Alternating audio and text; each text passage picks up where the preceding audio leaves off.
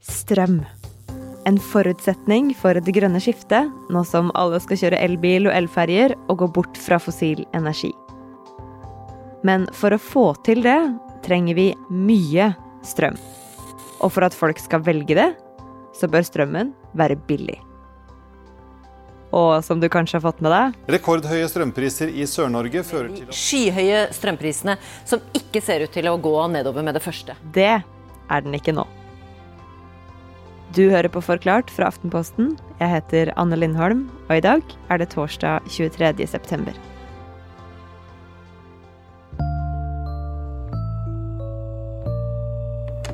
Strøm betyr varme på badegulvet, tørketromling, varmt vann, lys og streaming. Men nå er strømmen dyrere enn vi er vant til. Og sammenligna med august i fjor, så har strømprisene mangedobla seg. Og det gjør regninga di òg. Og en del av grunnene til det er de vanlige grunnene til dyr strøm i Norge. I Norge så bruker vi jo for det første veldig mye strøm. Therese Sollien er kommentator i Aftenposten. Det er også meningen at vi skal gjøre det. Vi er blitt subsidiert til å kjøpe oss elbiler i stor skala. Vi varmer opp utelukkende med strøm, i motsetning til veldig mange andre land som bruker eh, mye gass, f.eks. Eller før i tiden brukte vi oljefyr i Norge, det gjør vi ikke lenger, for det har vi ikke lov til. Eh, ikke alle har en peis. Vi bruker eh, alle mulige typer eh, oppvaskmaskiner og vaskemaskiner osv. Og så er, kommer strømmen vår fra vannkraft, i all hovedsak. Og den fylles opp i magasiner, foss og, fosser og, og, andre ting som man kan legge i rør. Som blir til fin og nydelig og ren og pen vannkraft. Men det, hvis det skal være billig strøm, så må det være mye vann. Og sommeren i år har vært varm. En av de varmeste siden målingene starta, og særlig tørr i den sørlige delen av landet. I nord har det regna masse, mer enn vanlig faktisk, men det er vanskelig å frakte strøm fra nord til sør i Norge. Og strømprisene i nord har også økt. Men i sør så har altså sommeren vært så tørr at prisene uansett var på vei opp. For det ligger ikke masse vann oppdemma som man kan slippe gjennom turbinene når strømmen trengs. Og nå blir det kaldt. Da jobber varmekablene på badet hardere, og panelommen på soverommet trenger litt mer guff. Og da er strømprisene avhengig av regn. Det er jo ikke noe hyggelig når det regner. Alle blir sure da, men man burde egentlig bli glad, for da får vi eh, billigere strømregning. Så spørsmålet er eh, i høst om vi kommer til å få mye nedbør, og eventuelt hva slags nedbør. For hvis den nedbøren kommer i form av snø, så må jo den tine først, før den kan havne i disse eh, magasinene. Og det hjelper ikke noe særlig heller, så da må vi vente helt til våren med at strømprisen skal gå ned. Så strømmen ville uansett ha vært dyr i høst. Men det er også noen nyere grunner til at strømprisen kan bli rekordhøy. Og den historien starter for 50 år sia. Det som skjedde, var at helt frem til 70-tallet så var det ofte strømbrudd i både Norge og Sverige. Så da tenkte man kanskje etter hvert at kanskje vi kunne prøve å samarbeide litt. Slik at når det blir strømbrudd hos oss, så kanskje vi kan få litt atomkraft fra Sverige. Eller når de har strømbrudd der borte, så kan de få litt vannkraft fra oss. Det fungerte såpass godt at man eh, utviklet etter hvert et større nordisk samarbeid om kraft. Og så, det som skjer da, er at man begynner å tenke ok, hvorfor stoppe der?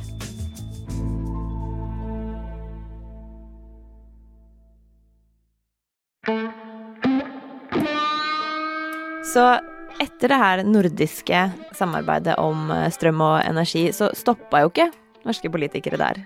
Hva var argumentene for å utvide eh, energimarkedet? Dette eh, begynner egentlig i 2013, da Senterpartiets Ola Borten Moe satt som minister. Og han eh, innså at det er et par steder i Europa hvor strømprisen, eller det man kaller spotprisen, altså prisen per kilowattime, er veldig, veldig høy. Og de stedene er ikke så langt unna oss. Steder som Tyskland. For der hadde de etter hvert fått et stort behov for strøm. Blant annet av en naturkatastrofe på den andre siden av jorda. For i 2011 så førte et jordskjelv og en tsunami i Fukushima i Japan til en svær atomkraftulykke. Fem dager etter katastrofen inntraff, er situasjonen ved atomkraftverket Fukushima fortsatt ute av kontroll, og blant japanerne vokser frykten for et større utslipp. In Soma City in hard-hit Fukushima prefecture, residents search for belongings amid fears of a nuclear crisis. Og da bestemte Angela Merkel at Tyskland skulle legge om hele energiproduksjonen sin. Altså legge ned atomkraften, bygge vindmøller eh, og prøve å fase ut så mye som mulig av eh, kullbruken. Det er veldig dårlig for klimaet. Eh, alt dette gjør jo at Tyskland plutselig har et enormt kraftunderskudd. Når det blåser, så blåser det. det. Da blir det kraft fra vindmøllene. Men når det ikke blåser, så er det jo ikke noe kraft å hente der. Men fra Norge er det masse vannkraft å hente. Og dermed ble kabelen mellom Norge og Tyskland åpna. Så da gikk strømmen frem og tilbake, ikke bare i Norden, men også til Tyskland. Og det påvirka jo markedet her i Norge. Det man kan si, er at eh, vi har jo eh, tilstrekkelig med kraft til å forsyne oss selv. Vi kunne ha sittet og ruget på all denne strømmen selv, og så hatt veldig billig strøm. Fordi eh, Tyskland og England f.eks. har jo mye høyere pris enn det vi har. Men poenget er at når vi blir integrert, som det heter, i det felles europeiske kraftmarkedet, så blir prisen vi får eh, inn dyrere, men det blir også dyrere her hjemme. Så det er en harmonisering da, som ikke egentlig er noe særlig hyggelig for norske forbrukere. Vi får rett og slett en strømpris som ligner mye mer på den de har i Tyskland og England enn vi ellers ville hatt. Hvorfor gjorde man det likevel? Det er mange eh, statsfinansielle, for å bruke det uttrykket, grunner til å gjøre det. Altså det kommer masse penger inn til staten. ikke sant? For det første så er den kraften som vi selger i Norge, den går blant annet mye til industri som er kraftkrevende. De får en rabatt. Ganske mye rabatt også. Det gjør ikke tyskere eller briter, de får ikke noe rabatt, så vi får full pris for all den kraften, så mye vi klarer å pumpe ut. ikke sant? Nå, akkurat nå er kapasiteten vår å kunne eksportere, og importere også for den saks skyld, da, teoretisk, omtrent halvparten av den kraften vi produserer. Eh, og det eh, gir statlige inntekter i form av at eh, staten eier veldig mange av kraftselskapene i seg selv. Og så får de i tillegg moms og avgifter og alt det andre som vi ellers bruker til å hente inn penger til staten. Mm. Og når vi selger halvparten av strømmen vår, så blir det mindre her, og så blir den dyrere her. Det er helt riktig. Og det fantes gode statsfinansielle grunner til å fortsette med det. Og et av de prosjektene er North Sea Link. Et prosjekt som for alvor begynner neste fredag, den 1. oktober. Da åpner en eh, jeg vil kalle den omstridt, en omstridt kabel som går til Newcastle i England. Der er strømmen spesielt dyr, eh, så det blir mange store statlige inntekter. Det blir nok også en del høyere strømpris for oss her hjemme. Men det er jo ikke det eneste som skjer. I tillegg, eh, i løpet av desember, skal Angela Merkels Tyskland stenge tre av sine seks resterende atomkraftverk. Som vil gi enda større underskudd på strøm i Tyskland. Og i tillegg står vi i fare for at et værsystem som heter eh, La Ninja, treffer oss i år. Og det gir både en eh, tørr og eh, trist høst, for, sånn rent strømmessig, da. Ja, Så strømmen kan bli enda dyrere enn det vi ser nå, da? Eh, ja, det er jo mange av disse analytikerne som spår at vi kan eh, få en kraftpris på tre kroner kilowattimen eh, her i Norge. Og det er jo da en fordobling av det det er i dag. Og nå som prisene øker, og det bare ser ut til at de skal stige utover høsten, så er det også en del politikere som blir stressa. Blant annet så har Senterpartileder Trygve Slagsvold Vedum lovt at det blir viktig for Senterpartiet inn i regjeringsforhandlingene og partiet Rødt har bedt den kommende regjeringa om å pause hele kabelen til Newcastle. Nå ser vi at strømprisene fyker i været. Vi har un unormalt lav fyllingsgrad i vannmagasinene. Da er det gal-Mathias å åpne for enda en eksportkabel for strøm. Det er oppskriften på at titusener av folk vil slite med strømregningene, og at industrien eh, også vil slite med strømregningene framover. Så hva ville skjedd da, Therese, om Norge bare sa nei, sorry, vi vil ikke likevel? Uh, ja, det er jo alltids mulig å, uh, skal jeg si, uh, klemme den tannpastaen inn i tuben igjen, faktisk. Man kan jo bare si nei, dette ville vi ikke likevel, dette gikk galt, så nå slutter vi med det. Men det er ingen grunn til å tro at det kommer til å skje. selv om f.eks. partier som Senterpartiet og SV ikke vil ha disse kablene, så handler det mye om generell motstand mot EU. Det handler om det de snakker om er en suverenitetsavgjørelse. at når vi blir en stadig større del av EUs integrerte kraftmarked, så er det imot eh, alt de syns er eh, bra, dvs. Si, eh, Norge istedenfor EU. at Norge skal bestemme selv.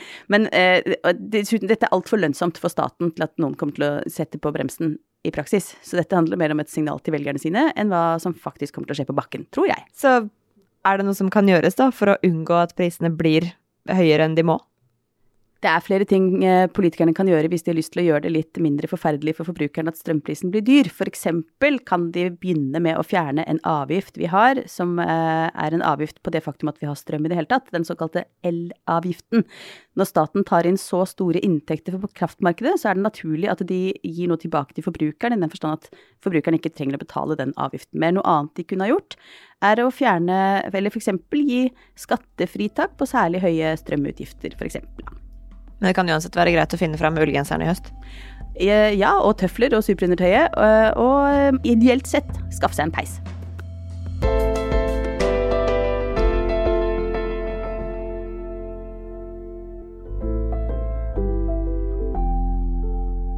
Nei, vent, ikke slå av enda. Du skal nemlig få et tips på slutten av eh, rulleteksta. Men denne episoden her, den var lagd av Fride Nesten Onsdag, David Vekoni og meg, Anne Lindholm. Og resten av Forklart er Marit Eriksdatter Gjelland, Andreas Bakkefoss og Guri Leiel Skedsmo. Du hørte lyd fra NRK. Og her i Aftenposten så er det ikke bare vi i Forklart som bruker studio. Du får flere nye podkaster i løpet av høsten. Den første er podkasten Folk, som allerede er ute. Og den neste som kommer, er Har du trua? En podkast om religion med Skamstjerna Iman Meskini og med Ida Shirazi. Hei, jeg heter Iman. Jeg har vokst opp i en troende familie og egentlig trodd på Gud hele livet mitt. Hva med deg, Ida? Jeg har vokst opp med både kristne og islamske tradisjoner, for jeg er nemlig halvt norsk og halvt iransk. Så som barn så ba jeg faktisk både til Gud og til Allah. Men i dag så tviler jeg faktisk mer.